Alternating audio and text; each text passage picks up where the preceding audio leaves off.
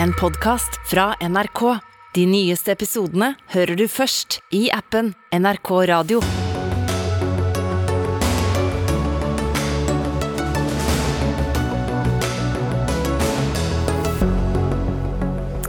Trygve Slagsvold Vedum forsvarer kutt i bistand til verdens fattige. Kutt kan være sunt, sier han. En eh, skam at en norsk finansminister kan snakke sånn, mener KrF. Over 30 regjeringsmedlemmer har nå forlatt han, men fortsatt insisterer Boris Johnson på å bli sittende. EU grønnvasker gass og kjernekraft. En stor seier for mektige lobbyister, ifølge miljøorganisasjoner. Og Høyre vil ha amnesti for de rikeste i strandsonen, hevder Arbeiderpartiet. Men slett ikke. Det bør være grenser for hvor, mange, hvor gamle bryggene skal være som skal rives, svarer Høyre. Ja, velkommen til Dagsnytt 18 denne onsdagskvelden i juli, der Lila Sølhusvik er programleder. Vi skal senere i sendingen høre at uh, terskelen for å bruke tvang i psykiatrien er så høy nå at en psykiater mener det er til skade for pasientene. Men det kommer vi altså tilbake igjen til. For eh, vi skal starte med at eh, tidligere i vår var en eh, bekymra generalsekretær i FN på tråden til Støre. Her hjemme sto opprørte ledere for bistandsorganisasjoner fram på rekke og rad. Jeg skjems over Norge, sa sjefen for Kirkens Nødhjelp. Og grunnen til oppstyret var at den norske regjeringen ville kutte i bistanden til verdens fattige i en tid der sult og ekstrem fattigdom øker. og i en tid da Norge tjener store penger på gass og olje. Men eh, du skjems altså ikke, Senterpartileder og finansminister Trygve Slagsvold Vedum. Kutt kan være sunt, sier du til Vårt Land i dag. Når er det sunt å kutte bistanden? Det kan være riktig på enkeltposter i bistandsbudsjettet. For Vi har jo dessverre erfaring med at ikke alle bevilgningene vi har, har, har hatt over bistandsbudsjettet har vært like gode. Derfor er det også kritisk debatt der hvordan vi får brukt pengene mest mens, og, og, best. Men det som er viktig å huske på, er at det som har blitt framstilt som et kutt, har jo vært en økning. Altså Hvis du tar økninga i bistandsbudsjettet fra i fjor til i år, så bruker vi 9 milliarder kroner mer på bistand i 2022 enn vi brukte i 2021. og Det er for at verden er sånn. Vi har aldri økt bistandsbudsjettet så mye som vi har gjort fra 2021 til 2022. Og når så, mange, når så, mange, kaller dette et kutt likevel, så er det fordi at eh, en god del av disse pengene til, eller går til ukrainske flyktninger, mens dere faktisk kutta i den ordinære bistanden. Det endte vel på to milliarder. Men det du uh, også sier til Vårt Land i dag, det er at uh, vi må også hjelpe folk, ikke byråkrati. Og da lurer jeg på, har det vært for mye byråkrati Norge har støtta? Det er ingen tvil om at eh, vi hele tiden også har kritisk søkelys. Vi, vi, som land er veldig opptatt av at FN skal fungere godt. At det skal være effektivt, at det skal være bra. Men vi også må ha kritisk søkelys på hvordan de ulike systemene fungerer. F.eks. hadde Riksrevisjonen en veldig hard kritikk av det forrige regjeringens bevilgning til Verdensbanken. En del av de fondene som, de globale fondene som uh, forrige regjering prioriterte høyt. Der var jo Riksrevisjonen før jul ute veldig kraftig at den pengebruken ikke hadde vært god nok. Det hadde ikke vært gitt godt nok resultater. Og man var redd for at det også kunne i debatten etterpå, at det kunne føre til mer byråkrati i administrasjonssentrene i London og Washington. Så vi må stille de kritiske spørsmålene. For hele poenget med å bruke bistandspenger er å hjelpe verdens fattige. Det er jo poenget. Og, så, og så FNs generalsekretær hadde ikke så mye grunn til å være sur da, kanskje, eller bekymra? Han, han, er en særdeles viktig person og gjør en veldig viktig jobb for Norge og for verden. Men så må jo vi også hele tida stille kritiske spørsmål til FN. Hvordan kan vi bruke bistandspengene våre på best mulig måte? For Norge er det landet i verden utenom Luxembourg akkurat den siste målinga som gir mest i forhold til størrelsen på økonomien. Altså Vi er det altså vi er enten nummer én eller to ofte på pallen på de landene som gir mest i forhold til hvor stort landet er. Og Da er det ekstra viktig når vi har en regjering som Senterpartiet og Arbeiderpartiet som ønsker å prioritere bistand, at vi klarer å følge pengene sånn at det gir resultater, at det hjelper folk. og Derfor så har regjeringa prioritert opp matbistand. Altså Vi gir 700 millioner kroner mer til matbistand i år enn vi gjorde i fjor. Nettopp fordi at sulten øker, det er matvareutfordringer. Også i tillegg til det prioritert tungt å hjelpe ukrainske flyktninger, kvinner og barn på flukt. Okay. For at verden er som den er. Så det er viktig at man, eh, i den debatten så har det ulike interesser. Mm. Du skal få komme tilbake igjen, og jeg beklager også at vi har en litt dårlig FaceTime-linje til deg hjemme på Stange. Men eh, vi har også med oss Dag Inge Ulstein i dag. Du er nestleder i Kristelig Folkeparti. Og du sier at det er en skam av en norsk finansminister å snakke sånn som dette. Men en norsk finansminister skal vel ta vare på pengene og passe på at eh, ikke unødig eh, mye penger går til f.eks. byråkrati? Ja, jeg synes det er faktisk utrolig skuffende. Um, selv om det er dårlige meningsmålinger for, for, Vedum, så er det ufattelig at uh, han tyr til nettopp uh, sånn som det her. Uh, og I tillegg så tror jeg faktisk han feilberegner hvor han har folk. Men det sa det er skuffende, men det er dessverre ikke overraskende. fordi at sist eh, jeg og Trygve var sammen i NRK-studio, så sto han og argumenterte sterkt og forsvarte at en skulle ta tilbake en vaksine som var donert til helsearbeidere og sårbare i utviklingsland. I det første statsbudsjettet som han var finansminister og hadde ansvar for, så kutta han altså flere hundre millioner. En kutta flere hundre millioner kroner i utdanning til sårbare jenter, bl.a. Midt under pandemi, da vi vet hvor avgjørende det er. Og nettopp da i revidert. Eh, så En av de organisasjonene som man har snakka om, er FNs barnefond, UNICEF, som har regna på hva det faktisk ville bety, de kutta som han la opp til, og regjeringa la opp til. Det var altså tre millioner barn som ikke ville fått den utdanninga som var planlagt i det året som ligger foran. Mer enn ti millioner barn som hadde blitt tatt ut av livsviktig barnevaksinasjonsprogram. Eh, og Derfor så skjemmes jeg når jeg hører det som finansministeren sier. Ehm, for det er altså, eh, når en argumenterer, det er jo ikke et argument engang, når en da viser til organisasjoner og byråkrati, eh, og sier bl.a. at de som da jobber for å reversere de kuttene her, bare er, er, insinuerer at de bare er opptatt av jobben sin. Altså det her er altså enormt engasjerte nødhjelpsarbeidere. I tillegg så, så, så sa okay, altså vet finansministeren Vet du hva, Ulstein, jeg tror vi må ta noen argumenter om gangen her. Og Det siste du sa der, var faktisk noe jeg også leste i Vårt Land i dag. Du, du, skriver, eller du sier der, Vedum, at eh, de i bistandsorganisasjonene som har klager på dette, de har jo tross alt dette som heltidsjobb. Den eh, er å kontakte aviser og medier når slikt skjer. Eh, er det bare derfor de klager? Nei, Det er jo kjempeengasjerte, flotte folk. Men så er det jo viktig at vi er litt bevisst på debatten. Altså Riksrevisor påpekte jo før jul nettopp veldig tydelig også hvor sterke aktører det er, også med godt lønna eksperter. Så det er en del av debatten, det òg. Også det som har blitt helt borte. Hva, hva mente man, du nå, godt lønna eksperter? Ja, altså Dette er godt lønna folk som, som, er lønna for å klage i avisene, er det det du mener? Nå siterte jeg bare riksrevisor som, skrev, som, som sa bistandsbransjen er en stor bransje å administrere med godt lønnede eksperter og veldig, veldig kritisk en del av pengebruken. Og Det må vi som er for bistand være. for Det er om å gjøre at bistanden går til de som faktisk skal få den. Og så er det jo veldig rart når jeg hører på KrF, fordi det virker som de bare velger bruddstykker. Ullesteins Ullestein sitt budsjett det var 38,1 milliarder kroner da han styrte. Nå er budsjettet på 47,2 milliarder kroner. Så det er ikke et kutt, det er en enorm satsing på bistand. Men så er Kristelig Folkeparti uenig i noe av den satsinga. F.eks. at vi satsa så tungt på mat, som vi gjorde i fjor høst. Det ønska ikke Kristelig Folkeparti og den forrige regjeringa. Vi gjorde det. Det at vi har prioritert ukrainske flyktninger, det har vi ment at det er en riktig prioritering. og det. Selvfølgelig støtter også KrF det nå, men det er vært en bare, bare økning på bistandsbudsjettet, ikke kutt. Svar på det han sa også med, med kutt i bistanden til barn da, og utdanning. Var det meninga? Altså, vi gjorde jo, altså, Før jul så prioriterte vi opp matbistand, det er helt riktig. At når Vi overtok altså Vi satte opp matbistanden og økte matbistanden har gjort det med 700 millioner kroner. Og, og gjorde noen prioritering. og sånn. Og Vi mente at nettopp med den situasjonen vi var inne med økende sult, vi så den globale krisa som var økende. Derfor så økte man jo da matbistanden med 500 millioner kroner i fjor høst, og økte med ytterligere 200 millioner nå i vår.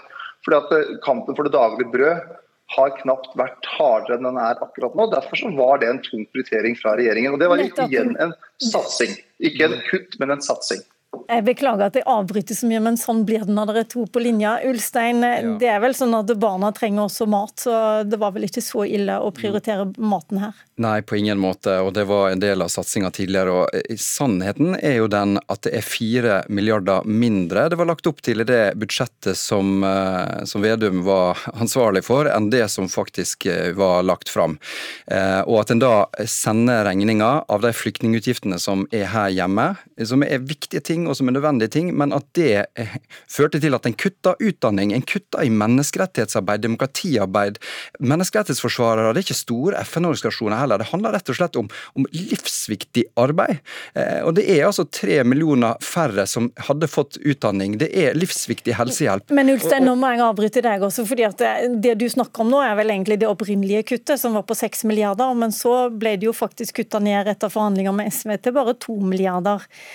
Det er, jo, er, det like ille? Eller det er vel litt mer trimming av budsjettet enn det du snakker om nå? Jo, men eh, samtidig så er det direkte konsekvenser av de kutta som nå fortsatt ligger der, i tid der eh, det ville vært et behov for at noen sto opp og gikk foran og ikke kutta, sånn som de gjort. Og Det er derfor så er argumentasjonen som finansminister Vedum kommer med, altså det ene er at han eh, liksom mistror veldig mange av de organisasjonene. Det er jo ikke argumentene han faktisk har. Han viser bl.a. til at det er 10 000 personer i London sin gate som ikke så, betyr så mye. hva Norge gjør i bistand. Nei, helt åpenbart, det er jo helt irrelevant. Hvorfor i all verdens dager kommer med sånn type uttalelser? Hva de vet og mener om norsk bistand? Det, er, det ligner mer på kommentarfeltet i Resett, det som finansministeren kommer med, og det er, mener jeg nærmest en skandale. Dette er altså et livsviktig arbeid. Engasjerte nødhjelpsmedarbeidere eh, og, og, livsviktig bidrag i en tid der vi hadde trengt at noen sto opp nettopp for de som trenger utdanning, trenger mathjelp. Og når jeg snakker om 500 millioner pluss, altså totalregnskapet i det som er lagt fram, må... er, er vanvittige kutt.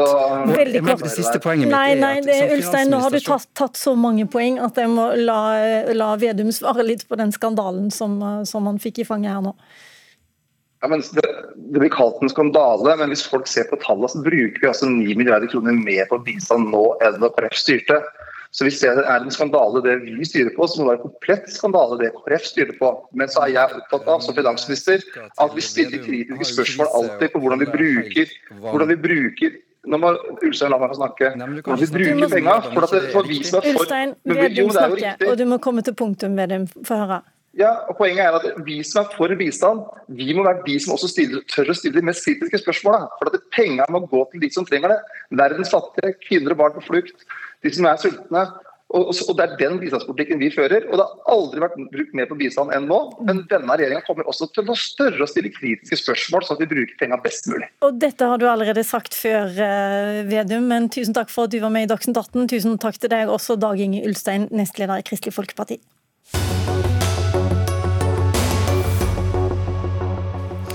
I dag kom nyheten om at EU-parlamentet har vedtatt å stemple gass og kjernekraft som bærekraftige investeringer. Et knapt flertall stemte for, og forslaget har allerede mottatt sterke reaksjoner. Bl.a. fra Luxembourg og Østerrike, som vil saksøke EU. Også her hjemme får grønnvaskingen kritikk, og det skal vi komme tilbake igjen til. Men først til deg, Simen Ekan, europakorrespondent eh, på plass i Brussel. Hvordan begrunner EU-parlamentet at gass og kjernekraft er grønn energi? For det første så, så, snakker man jo da om at det er gass og kjernekraft innenfor noen uh, spesifikke uh, områder, så ikke gass og kjernekraft i seg uh, selv som sådan. Men hovedargumentet er jo dette at dette er overgangsteknologier. Da. Man insisterer på at dette på ingen måte er å si farvel til det grønne skiftet eller til den grønne utviklingen, men, men, at det er helt nødvendige, pragmatiske og realistiske måter å nå de klimamålene de europeiske landene har satt seg og forpliktet forpliktet seg til. Sier de noe om hvor lenge den overgangen skal vare? Ja, det varierer jo litt, men, men, det er klart det som har skjedd eh, med krigen i Ukraina, har endret noe av denne diskusjonen. På den ene siden håper man på en enda raskere overgang, som vi har hørt EU-kommisjonen snakke om. Men det er eh, også sånn at de som argumenterer med at vi er nødt til eh, å, å forholde oss til den energivirkeligheten som vi har, og den energikrisen som kan komme allerede til eh, vinteren. og Da eh, er det sånn at vi er nødt til å forholde oss til dette på denne måten. og De som eh, argumenterer mot, de er simpelthen urealistiske mennesker som ikke forholder seg til virkeligheten slik den er, har argumentasjonen gått. og Den har vært ganske hissig, som man skjønner. og, og, og, og temmelig mange skuffede mennesker i dag, som har jobbet lenge for, for å arbeide mot det de mener er en helt hårreisende forsøk på grønnvasking av to teknologier som på ingen måte har en plass i framtiden, slik motstanderne argumenterer. Og En av dem som er på den linja, det er du, Lars Haltbrekken, stortingsrepresentant for SV, medlem i energi- og miljøkomiteen. Du kaller også dette for grønnvasking. Hvorfor er dere så kritiske? Dette er ikke noe annet enn grønnvasking av en fossil energikilde og av atomkraft, som er en farlig energikilde, hvor vi ikke har noe trygge lagringsmetoder for det høyradioaktive avfallet. Eh, og det er jo ikke sånn at eh, gass, verken gass eller atomkraft blir grønne energikilder av at EU eh, e vedtar det. Klimaeksperter sier jo at fossil gass har altfor store CO2-utslipp knytta til seg dersom vi skal klare å unngå de aller verste konsekvensene av eh, klimakrisen. Men altså, De sier vel også at eh, ja, utslippene er jo de samme, men dette er en overgangsfase. og Er det så himla viktig hva du kaller det egentlig? Alle vet nå at Europa trenger den gassen uansett. Ja, og akkurat nå, uh, i den situasjonen vi står i med krig i Ukraina, så skjønner også vi at man uh, trenger den gassen man kan få fra andre kilder enn Russland. og Derfor har vi også støtta at Norge nå produserer så mye gass som vi kan gjøre. Men det å åpne nye felt for å lete etter mer olje og gass framover, det er ikke svaret. Det er jo energi som verden da først vil kunne få nytte av om 20-30 år. Og da er jo spørsmålet kommer EU til å definere fossil gass som grønn også om 20-30 år? Det tviler jeg på. Sammen med deg i energi- og miljøkomiteen sitter du, Ove Trellevik. Du representerer Høyre på Stortinget. Hvorfor tenker dere at det er positivt det EU har gjort i dag? For det første så er det jo realisme i å nå klimamålene innen 2050 ved å, å klassifisere både atomkraft og eh, gass som grønne investeringer. Det er ikke snakk om å, å grønnvaske eh, bruk av fossil energi eller atomkraft, men det handler om at eh, investeringer for å nå klimamålene innenfor disse sektorene her skal få tilgang til rimeligere eh, investeringer eller rimeligere eh, lån eh, for å nå utbyggingsplaner for å nå klimamål. Og Skulle man på en måte ikke gjort dette eh, og likevel nå klimamålene, så måtte EU ha tidobla satsinga si på fornybar energi. Altså, EU har planer om 20 000 vindmøller. De måtte altså ha tidobla den satsinga til bortimot 200 000 havvindmøller dersom de skulle ha nådd klimamålene sine. Men, men, hva sier du da, Ove Trellevik? Er det sånn at Hvis man bare kaller det for noe annet, nå kaller vi det grønt, så da, da når vi klimamålene våre?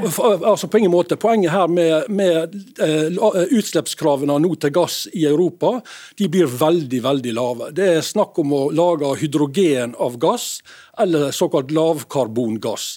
Eh, og så er det jo sånn at det er til kraftproduksjon at dette er et tema. Det å erstatte eh, f.eks. kullkraftverk som er sterkt forurensende, med gass fra Norge som er enten er levert som lavkarbongass eller som hydrogen, som ikke har da utslipp. Og da er jo dette en vanvittig gevinst for EU å kunne satse på å bruke den gassen som de allerede på en måte bruker i dag, men i en form hvor den ikke gir utslipp. Og det, jo, det, er jo det som er poenget skulle jeg si, med å nå klimamål, det er at vi skal få ned utslippene våre. Så kan vi alle være enige i at før eller senere så er vi nødt til å, å innse at det fossile skal ta slutt. på å si. Før eller senere så vil det jo det. Men fram til vi er der, så går den takten på fornybar så seint. Det var bare 314 TWh fornybar energi som kom på nettet vårt i 2020 i, i, i verden eller i Europa, og det er altfor lite for å kunne nå klimamålene våre både i 2030 og 2050. Derfor okay, er dette viktig. Ja, nettopp. Haltbrekken, ser ikke du det? Nei, uh, overhodet ikke. Og det som vi står i fare for å gjøre nå, er å bygge opp infrastruktur, bygge opp industri som gjør seg avhengig av fossil energi i mange år uh, framover.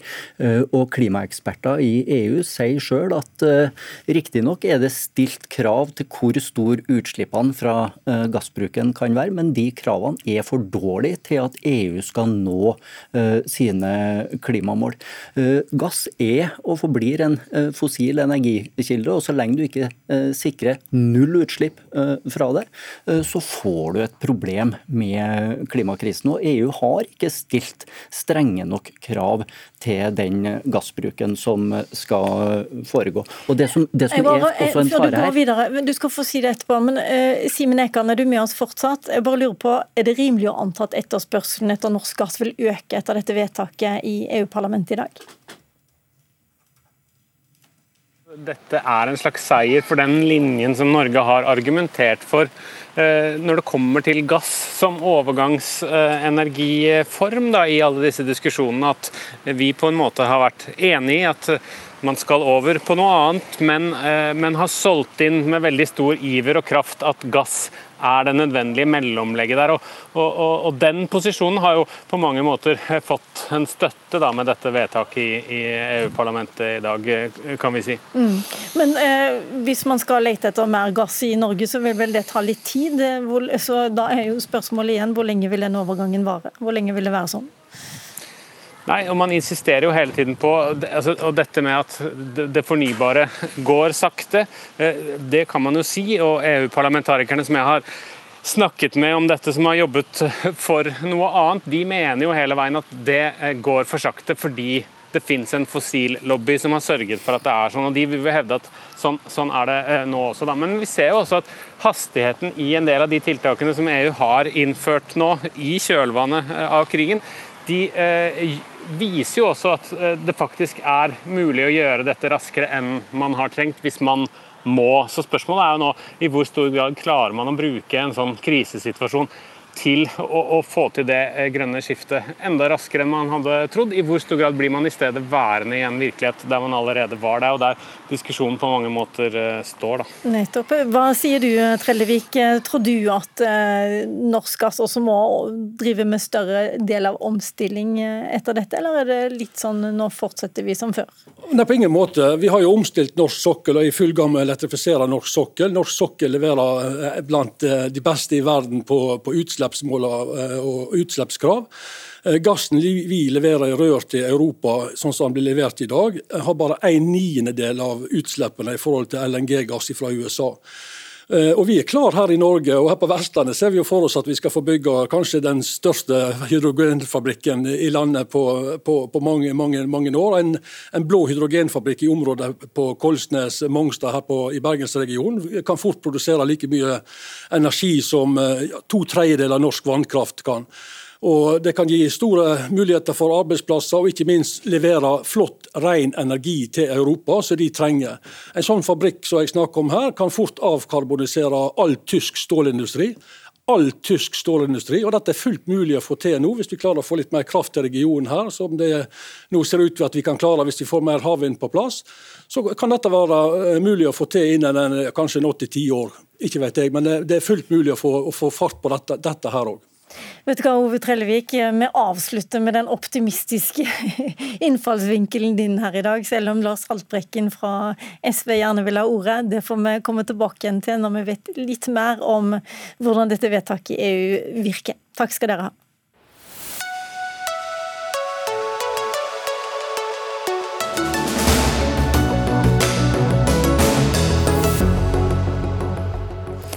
Hvordan skal vi behandle psykisk syke mennesker som ikke, ikke ønsker behandling?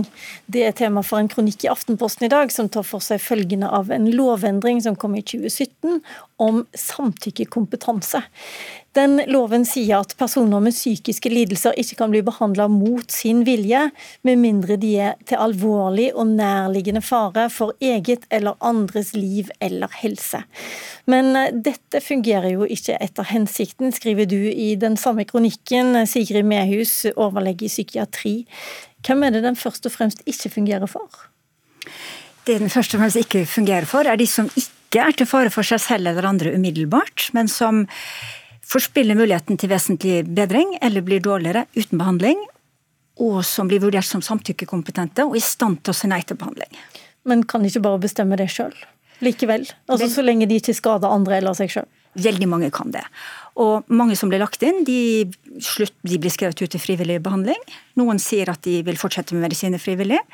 Noen trenger ikke medisiner verken frivillig eller på tvang. Og noen sier at ja, jeg er klar over at jeg kan bli syk igjen, men det er en sjanse jeg er villig til å ta. Men du er opptatt av de pårørende her? Jeg er også opptatt av den lille gruppen personer som blir syke gang på gang. Eh, de blir behandlet av oss, de blir bedre, de blir vurdert som samtykkekompetente, de skrives ut, de faller ut av behandling, de blir syke. Og så blir det en sånn runddans med mange, mange runder. Og de pårørende er også veldig lidende i dette, ja. Vi har med oss en pårørende på telefon, og du vil være anonym av hensyn til det syke familiemedlemmet, men eh, takk for at du er med likevel. Du er altså Fint å høre deg. Du, er, altså, du har en i nær familie som ble syk da hun var tolv år, og som i et tiår nå har fått ulike alvorlige diagnoser og gått inn og ut av psykiatriske sykehus. Hun er samtykkekompetent, altså kompetent til å bestemme sjøl, men går ikke på medisiner, og dere oppfatter henne som veldig syk. Hvordan er det dere opplever denne situasjonen? Nei, Den er ganske fastlåst for tida, så vi er ganske uh, Vi veit ikke helt hva vi skal gjøre med det. For det at uh, hun har fått en diagnose før som har blitt eh, endra, og tider fra medisiner. Så nå går hun ikke på medisiner. og vi ser jo hele tida at hun har gått i sykluser med mani og psykose og depresjoner. Så vi har fulgt henne gjennom så mange år at vi jo, ser jo at jenta er veldig syk. Og hun blir lagt inn på psykiatrisk sykehus, og blir der bare en par dager, så skriver de henne ut igjen. For hun er, de mener at hun er samtykkekompetent. Men vi mener at hun ikke er det, og at hun bør ha medisiner og vurderes på nytt. Men... Og så er hun ute, ute, noen dager, da, og så har hun jo havna i rus og utagering. Så kommer politiet og, og tar henne med til legevakt og inn igjen. Så dette her har skjedd jeg tror det er 16 ganger nå på et halvt år. Så hun blir egentlig skrevet ut til ingenting, for hun greier seg ikke sjøl. Og det vil de så jeg, jeg mener hun må ha medisiner, da. Hvorfor vil du ikke ta medisiner sjøl? Hvorfor sier hun nei? Nei, jeg tror det er sykdommen som gjør at hun ser ikke dette her sjøl. Hvordan har dere blitt behandla i hjelpemiddel, hva heter det, hjelpeapparatet? Ja, de mener at uh, hun skal greie seg uten medisiner, men vi ser jo at hun gjør ikke det. Hun greier ikke å ta vare på seg sjøl. Og nå er hun kommet i en veldig psykose. Så nå eh, og Hun er i fengsel for tida nå, og der bør hun vel heller ikke være. For det, hun er for syk til å være der, men samtidig så blir hun tatt vare på der, da. Men vi ser jo liksom at hun detter mellom alle stoler, så vi mener jo det burde vært uh, såpass mye tvang til stede at de kunne gi henne medisiner. Og at det skulle vært utbygd langtids uh, plasser på psykiatriske sykehus, så de har et sted å ha dem. For nå blir de skrevet ut til ingenting hvis ikke kommunen har noen gode ordninger, og det har de som regel ikke. Hvordan er det å være pårørende i en sånn situasjon, da? Gjennom så mange år så har det vært en veldig smertefull reise, det, det vil jeg si. Men det er jo en stor sorg som ligger i bånn hele tida. Men uh, vi må jo allikevel prøve å leve av våre liv, da. Og, men vi har det jo dette med oss hele tida. Så vi, det blir jo nesten som man tar på seg et uh, panser for å overleve hverdagen på en måte. Mm. Og noen som du er så glad i, vet at uh, når vi vet at de har det så vondt, så, så blir det veldig vanskelig.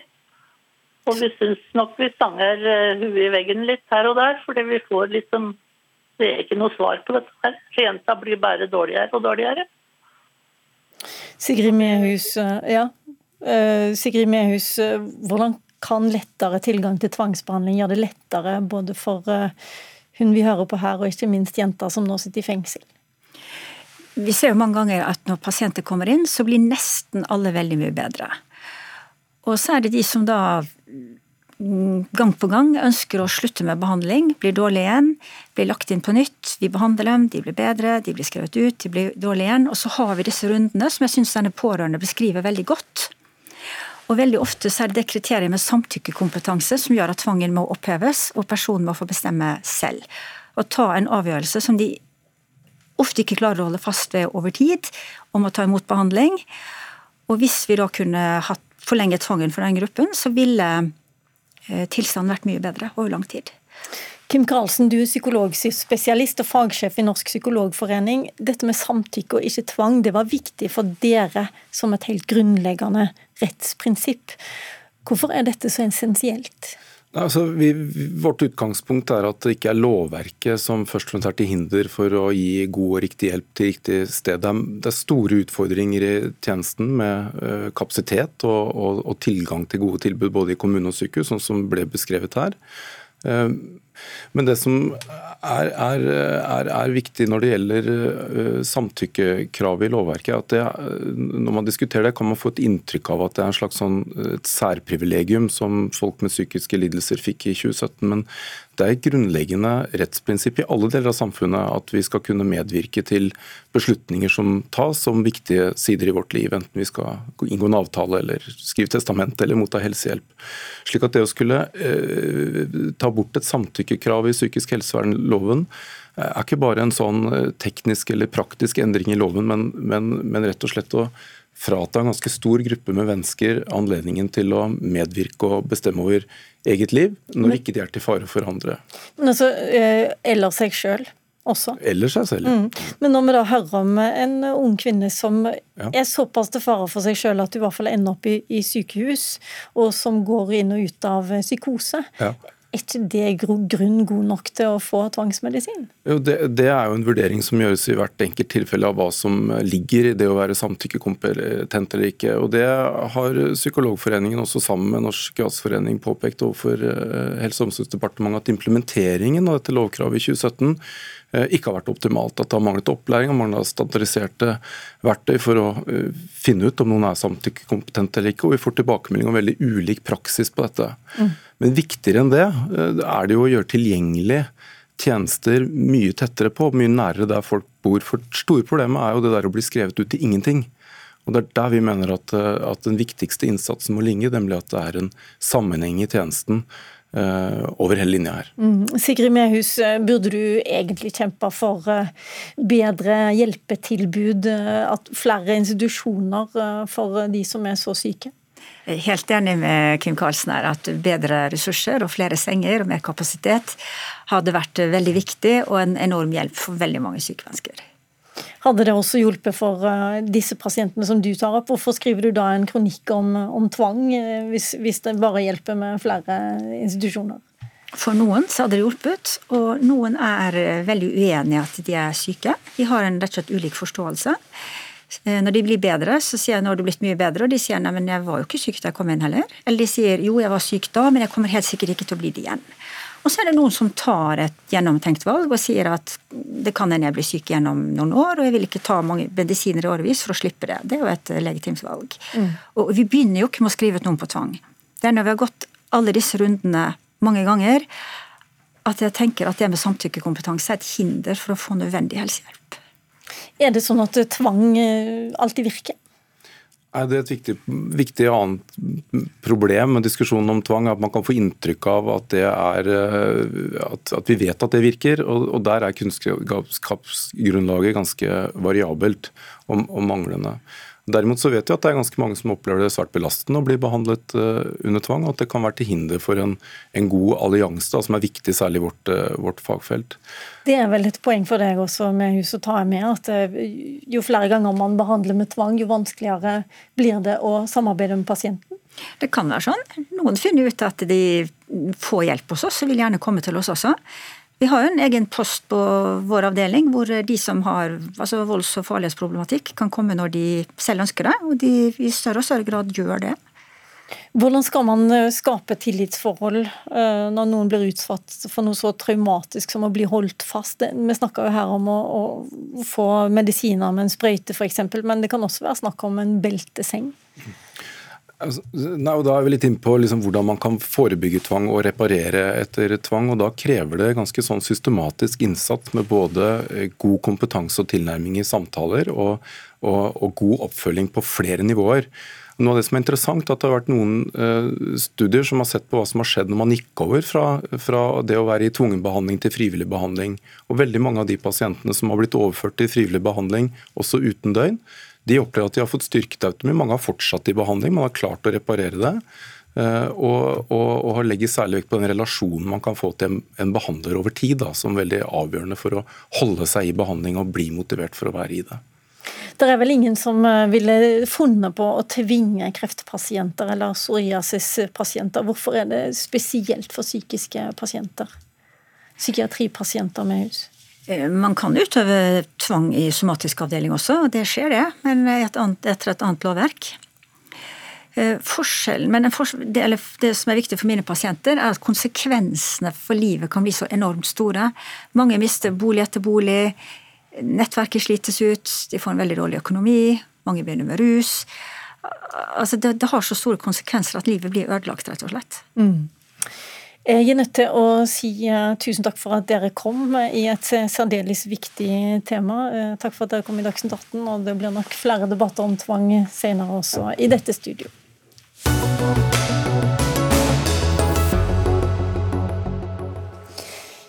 Vi skal til Storbritannia nok en gang, for eh, flere sittende statsråder i den britiske regjeringen vil i kveld be statsminister Boris Johnson om å gå av. Det melder BBC nå. Altså Til sammen over 30 medlemmer av det britiske regjeringspartiet har bestemt seg for å slutte, og her skjer ting fra time til time. Gry Blekastad Almås, du er vår korrespondent i London. Hva betyr alt dette som skjer nå?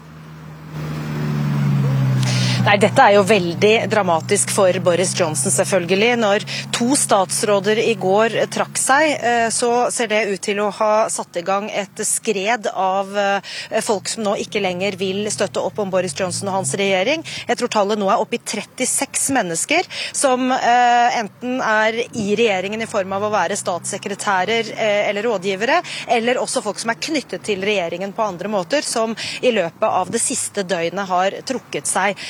Eh, så nå eh, er det veldig mye som tyder på at Boris Johnsons dager som statsminister kan være talte. Akkurat nå omtrent så har han selv gått inn i Downing Street, hvor eh, flere av hans statsrådskolleger venter på han ettergivende da, ifølge Sky News og BBC, for å fortelle ham at han må gå av.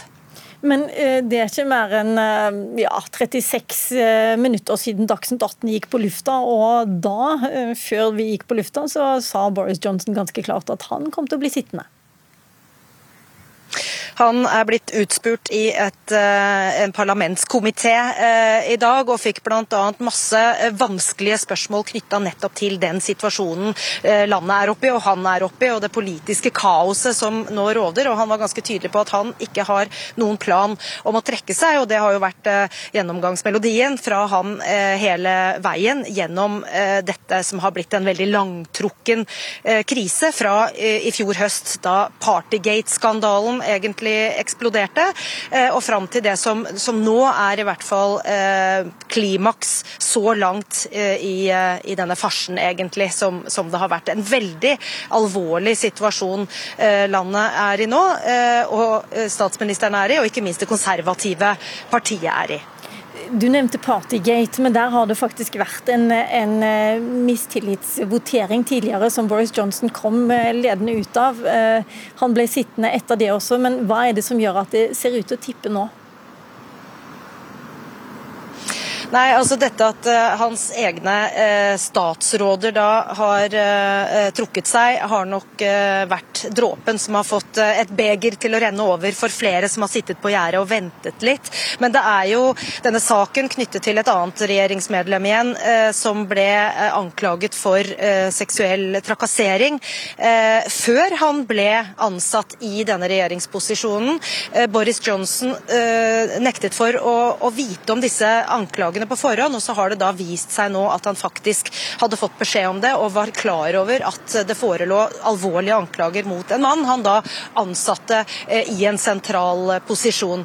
Eh, han er med andre ord blitt tatt i løgn igjen, og det er jo nettopp hans moralske standarder som nå provoserer mange.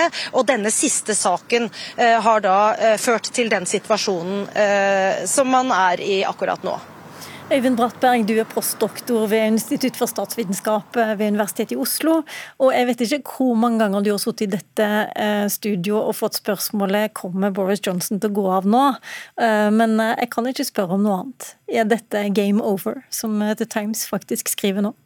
Hvis man gikk til bookmakerne og satte penger på, på det, så måtte man ha etter hvert ha ganske mange penger, mange selger tilgjengelig. fordi den, de, de veikryssene har han stått ved eh, gjentatte ganger. Og så kan man spørre seg er det, er det annerledes nå? Vel, det er annerledes nå. Det, etter, et, etter, alt å dømme er det det.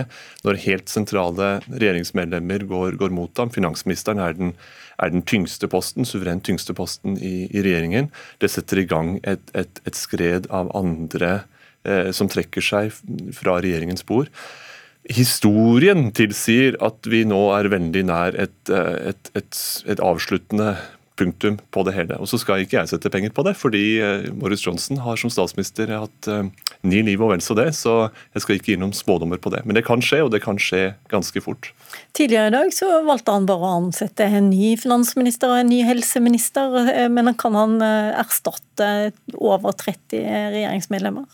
Det må ganske heftig arbeid til i, i, kveld og natt for å, dersom han skal demonstrere at han fortsatt har kontroll over eget parti og er i stand til å, å knytte dyktige folk til alle disse postene. Dyktige nok til at regjeringsapparatet holder det, holder det gående på, på, troverdig måte.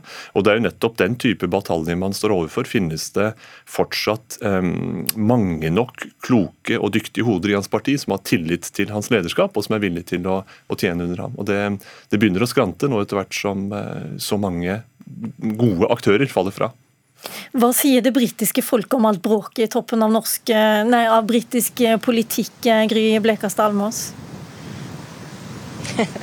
Ja, Det er jo litt uh, ulikt ettersom hvem du spør, men det, har, det er en generell uh, holdning som kanskje er I hvert fall får man inntrykk av at den er voksende, at man ikke uh, kan stole på politikere. og Det er klart at det er jo veldig alvorlig for hele det britiske demokratiet hvis denne saken, eller disse sakene da, som er knyttet til Boris Johnson og hans regjering, gjør at folk ikke lenger stoler på det politiske systemet. og Det er jo det mange i det konservative partiet er redd for òg, at dette skader partiet deres. Dette skader eh, andre konservative politikere som eh, i månedsvis nå har vært nødt til å eh, gå ut i media og forsvare det mange mener er uforsvarlig. Så Det er jo derfor man er kommet til dette punktet nå. Så får man bare se hva som blir resultatet. Men det er nok en følelse nå også i det konservative partiet om at, at det er nå det skjer. Det er vel sånn at Boris Johnson er tatt i direkte løgn et par ganger eh, tidligere. og eh, Det ble jo sagt også da disse statsrådene gikk i går, at eh, det var vel seint å gå på dette tidspunktet når de har støtta han så lenge, Brattberg? Tror du de har gått tidsnok til å f.eks. stå fram sjøl som ledere for eh, det konservative partiet, og kanskje statsminister? Her er det jo eh, taktiske vurderinger også hos den enkelte um, rival, kan man vel si. Dersom man uh, ønsker å være en mulig etterfølger til Boris Johnson så bør man ha vist tilstrekkelig dømmekraft og ryggrad til selv å ha, ha gått fra bordet før alt rakner. Det er iallfall én type resonnement, og det, det, er mange som har lagt, et, eh, si, lagt, slike motiver til grunn, også for eh, Javid og Sunak, som gikk, som gikk i går. Så kan man spørre seg om det er tidsnok, som du sier, men alt er er usikkert i dette, i dette, spillet. og Det betyr også at de formelle reglene rundt et lederskifte i partiet, det er mulig å om, omgå de. Selv om Boris Johnson vant denne mistillitsavstemningen internt i partiet for ikke lenge siden, så er jo tradisjonen i partiet tilsier at det dukker opp men in grey suits, som de sier, når, det, når, når stunden er kommet, og som, som hjelper ham å ta den rette avgjørelsen. Det er iallfall den tradisjonen partiet har, og mange håper at det finnes kloke nok hoder til, til, å samles om en god beslutning, uten at uh, det skal stå på, på stahet alene. Men hvis han trekker seg i kveld, uh, hvem skal ta over da? Da blir det en, eh, et, et, åpent lende mellom en, en god håndfull kandidater. Noe av det som blir mest interessant, vil jeg si, er, er, i hvilken grad en sånn diskusjon vil handle om politisk retning.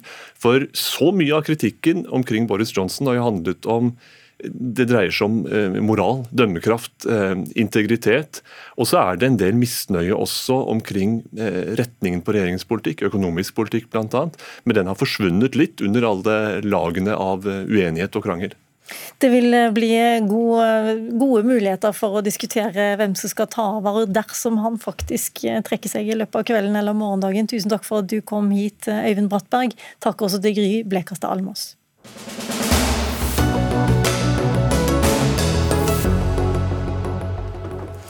Barnevernsbarn ble kasteballer i systemet, noen ble sykere enn før barnevernet greip inn. Dette var en del av en rekke avsløringer i Aftenposten, og barneministeren reagerte med å sette ned et utvalg som skal vurdere institusjonsbarnevernet i Norge. I dette utvalget sitter en rekke fagpersoner, eh, men Sammensetningen er ikke bra nok, eh, sier du til psykologisk.no. Ine Havar, du sitter også i kommunestyret for Stavanger Arbeiderparti og er fagkoordinator på Stavanger akuttsenter. Hvem er det du savner i dette utvalget som skal gjøre norsk barnevern bedre? Ja, eh, Først har jeg lyst å gi barneministeren ros for å sette ned dette utvalget, for det tenker jeg er helt nødvendig. Eh, og jeg har også lyst til å si det at jeg er også godt kjent med barnevernsutvalget som den forrige regjeringen satte ned. og Der gjorde også barneministeren en god jobb med å både supplere med to medlemmer og endre til et mer spissa mandat. Eh, og Når vi nå skal se grundig på institusjonsbarnevernet, så er dette stor, en stor og vanskelig oppgave. Og hvorfor er det så vanskelig? Jo, det er kompleksiteten, det er mennesker, og det er sammensatt. Og I det utvalget som er satt ned i dag, så mener jeg at det mangler representanter fra praksisfeltet. De har en helt unik kompetanse og kunnskap. Eh, miljøterapeuter med flere års erfaring, ledere av institusjoner, og òg ikke minst barn som kanskje har bodd på eh, barnevernsinstitusjoner. Det skrev òg Vilde Adolfsen en, eh, et innlegg om i psykologisk.no. Okay, og alle disse gruppene bør være representert, ikke i et underutvalg, men i et eh, hovedutvalg. Men eh, Nå nevnte du selv at det finnes allerede et annet utvalg. Hvor mange utvalg skal man ha, og må man ha alle representert i alle utvalg? Nei, vi må ikke alle representert i alle utvalg. Men i det utvalget som barneministeren har satt ned, eh, så viser det til, der jeg leste, var inne og leste på mandatet, at du skal sette ned et underutvalg av barn.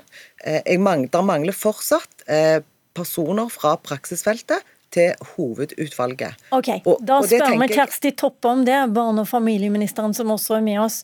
Hvorfor, ut, hvorfor nedsette et ekspertutvalg uten de ordentlige ekspertene som er barnevernsbarna eller miljøarbeiderne? Mm. Eh, dette er jo en eh, NOU, altså en offentlig utredning, og ikke et ekspertutvalg. For jeg har vært veldig opptatt av at eh, dette faktisk skal bygge på praksiserfaring. Og jeg mener jo at utvalget er praksistungt. Det er mange av medlemmene som har god erfaring fra det å jobbe med barn som er under barnevernets omsorg. Og ikke bare i barnevernet, men det er representanter som har god erfaring fra helse, fra politi, tilsynsmyndigheter. Og så er jo òg førstelinjetjenester i barnevernet representert ved barnevernsleder i, i, Kristiansand. Men dessuten så har jeg i mandatet gjort det veldig tydelig at dette utvalget skal jobbe på en helt spesiell måte. De skal ut og besøke barnevernsinstitusjoner, de skal besøke kommuner, de skal snakke med fylkesnemnder osv. Slik at uh, den bekymringen som, eh, som Haver har, den eh, mener jeg er godt ivaretatt. Og jeg skal sjøl måtte se til at eh, den viktige erfaringen som, som, er ute, den skal dette utvalget bygge på. Når det gjelder barn og unge, så ja, jeg skal sette ned et ungdomsutvalg som jeg mener er bedre enn at eh, barn og unge har fått én representant i utvalget. Et eget ungdomsutvalg med eget mandat, eh, og som skal være i tett dialog. Det tenker jeg vil forsterke barn og unge sine stemmer, og ikke være en svekkelse, som det nærmest blir fremstilt som nå. Ok, Da hørte du det, innehaver. Ungdommene får faktisk sitt eget utvalg, der de kan eh, bli enige om hva som er viktigst for dem. Ja, det, det, og, det, og, det, er helt fint, men, men, fortsatt så er jeg ikke helt enig med barneministeren i forhold til at eh, eh, praksisfeltet det, mener jeg ikke er godt nok representert i, i hovedutvalget. Og jeg tenker eh, der er en barnevernsleder fra førstelinjetjenesten med, eh, og de andre òg er kanonflinke, fine fagfolk. Men eh, veldig få av de, og jeg vet ikke om at de, noen av de har jobbet på en, en barnevernsinstitusjon. Og Jeg har bare lyst til å referere kort fra eh, punkt to i mandatet.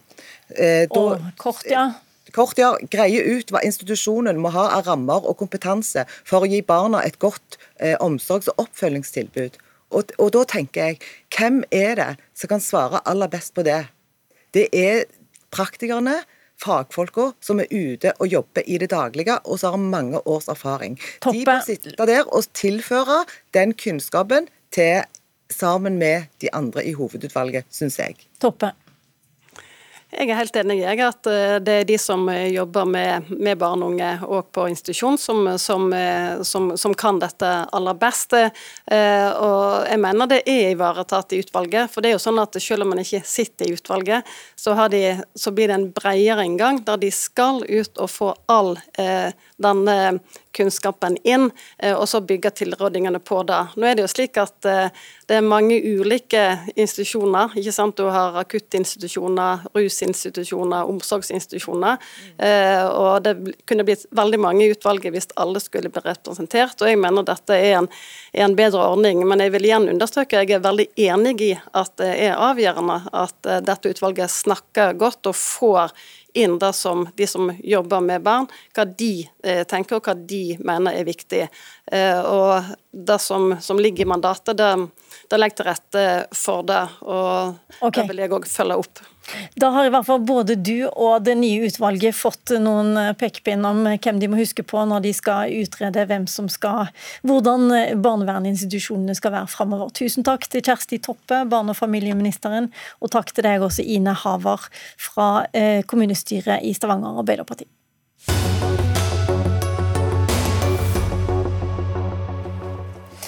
Kommunene har i dag en plikt til å følge opp ulovlig utbygging i strandsonen. Dvs. Si at eh, hvis du bygger en privat brygge eller et båthus i strandsonen, så har kommunen plikt til å følge opp lovbruddet. Men nå foreslår Høyre en utredning for å finne ut hvorvidt det kan være lurt å mykne opp regelverket, og altså la kommunene sjøl bestemme om de skal bruke ressurser på å følge opp sånne lovbrudd i strandsonen. Dette kaller du rikingamnesti, Per Vidar Kjølmoen, stortingsrepresentant for Arbeiderpartiet. Hvordan får du dette til å bli et rikingamnesti? Nei, først må vi snakke litt om eh, problemet. Eh, politiet laga en trusselvurdering som ble publisert senere tidligere i år. Eh, og Den peker på ulovlig utbygging i strandsone som en konkret problematikk som er økende.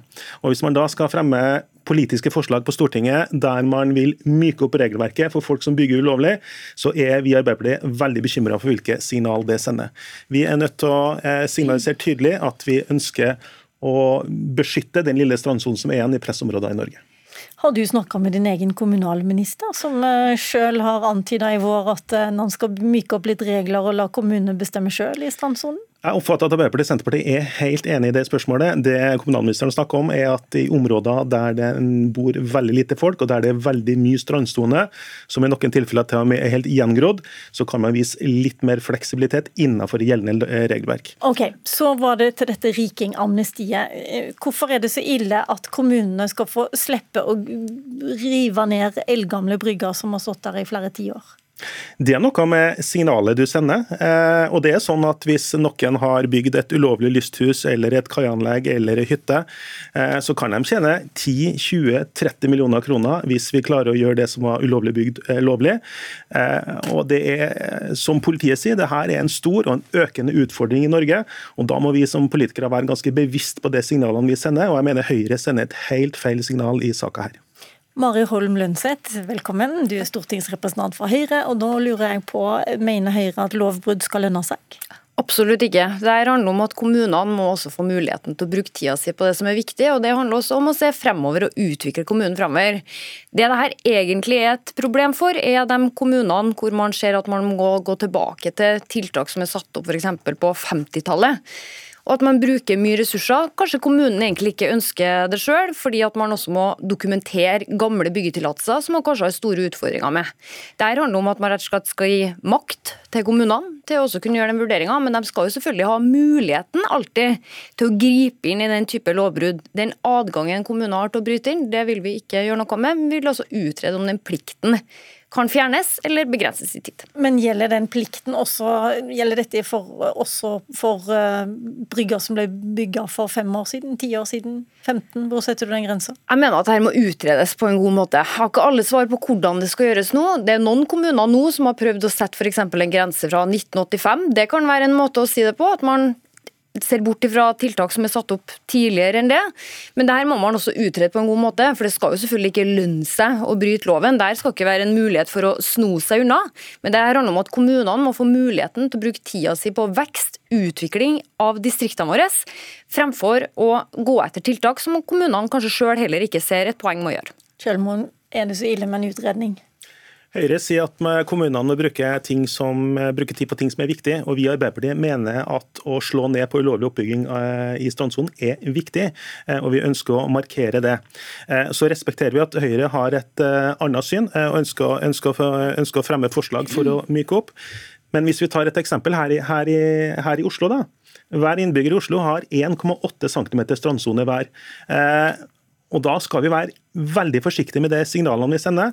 Vi vet at det er store profittmotiv knytta til folk som tar ulovlig utbygging i strandsone. Og Spørsmålet til Høyre blir når blir det lite nok strandsone for folk i Oslo? Er det 1,6, er det 1,5 cm, eller når er det? Dette handler ikke om strandsonen i Oslo, det handler om distriktskommuner. Om de skal få muligheten til, til å bruke tida på utvikling fremover. De skal fortsatt ha all mulighet til å kun gripe inn i ulovligheter, men spørsmålet er om de skal ha en plikt til det eller ikke. Jeg syns at Arbeiderpartiet her fremstiller egentlig hele strandsoneforvaltninga i Norge når man kaller det også et rikingamnesti, nærmest som noe snobberi. Men jeg trodde Kjølmannen også, Kjølmann også som representerer Eh, Møre og Romsdal vet at det handler om vekst, utvikling, arbeidsplasser i distriktene våre. Og Det er det jeg mener kommunene skal bruke tida fremover, og der har man også muligheten til men, å utnytte strandsonen på en bedre måte. Men eh, det er jo sånn at nesten 90% av de som søker om unntak for bygging i strandsonen, mm. de får dette innvilga. Mm. Og dette gjelder ikke bare Oslo. Dette er ikke noe Oslo-fenomen, det gjelder over hele landet trenger eh, strandsonen enda mer oppmyking, egentlig? Altså dette lovverket? Jeg mener at i de områdene hvor det er et lavt utbyggingspress, så bør det være mulig å kunne utvikle mer. Det er veldig mange kommuner i Norge som lever av havet, og de må fortsette å kunne utvikle det. Og så er det jo bra at man får også de eh, tillatelsene i dag, men der handler det om at man må gå tilbake og kanskje bekrefte en tillatelse som blir gitt for 50-60 år siden, hvor man også bruker unødvendig tid som kunne ha vært brukt også på utvikling fremover. Vekst, verdiskaping, fremfor å måtte bruke tida si på å gå tilbake i gamle saker hvor kommunen sjøl ikke ønsker det. Arbeiderpartiet er også for vekst og utvikling, men vil ikke ha vekst og utvikling basert på at folk bygger ulovlig strandsone. Eh, og Da ønsker vi å markere, eh, markere, det. Og når Høyre, går inn for å, når Høyre går inn for å myke opp regelverket, så tror vi det er feil signal å sende. Men, men har, du, har du noen grunn til å tro, og noe belegg, tall på at rikinger eh, bygger mer i strandsonen enn andre, og at, de, at, det, at dette blir et rikingamnesti sånn sett? Jeg tror Med de eiendomsprisene vi har her i Oslofjorden f.eks., så tror jeg det er helt opplagt at det er folk som har eh, ganske mye penger, som har mulighet til å oppføre et, for et lysthus ulovlig i strandsonen. Jeg tror det er svært få vanlige folk med vanlige inntekter som er i den, eh, er i den situasjonen. Eh, men det her er jo et politisk valg. Eh, skal man ha en politikk eh, tilpassa de mange som knapt har strand igjen på Østlandet, eller tilpassa dem som ønsker å få ulovlig oppførte bygg lovlig, sånn som Høyre nå eh, åpner for? Er... Vi i Arbeiderpartiet er for det førstnevnte, så respekterer jeg at Høyre er for det, det sistnevnte. Det, det, er helt, det er helt feil. Det handler om at man må faktisk ha tillit til lokaldemokratiet. og jeg synes at Kjølmoen viser en helt utrolig mistillit til lokaldemokratiet når man tror at ikke kommunestyrer klarer å følge opp denne form for ulovlig ulovligheter. Det viser seg jo igjen at vi får rett og slett en kald skulder hver gang vi foreslår noe som vil gi mer makt og mer innflytelse til kommunene å bestemme over sitt eget areal. Så skjønner jeg godt at Kjølmoen også er først og fremst opptatt av Oslofjorden. Den er jeg opptatt av at vi skal ta godt vare på. Men det som er strandsonen, det som er virkeligheten ute i Distrikts-Norge, det er noe helt annet, og da må vi faktisk ha et regelverk som er tilpassa det. Dere pleier ellers å snakke om at kommuner skal få mer å si. Veldig kort til slutt. Ja, men bare for å ta det, I Høyre sitt forslag så står ikke noe unntak for Oslofjorden i sentrale strøk. Det er et blankoforslag som, som er... gjelder kommunalt selvstyre i hele landet. Eh, sånn at den eh, syklinga som foregår for Høyre okay. her, den er litt annerledes enn det lovforslaget Vi som er sendt inn. Vi må avslutte den stranddebatten, strandsonedebatten. Tusen takk for at dere kom. Ansvarlig for denne sendingen det var Synnøve Vereide Trampe. Teknisk ansvaret hadde Marianne Myrhol. I studio satt Lilla Sølhusvik, og vi er tilbake selvfølgelig i Dagsnytt 18 i morgen. En podkast fra NRK. De nyeste episodene hører du først i appen NRK Radio.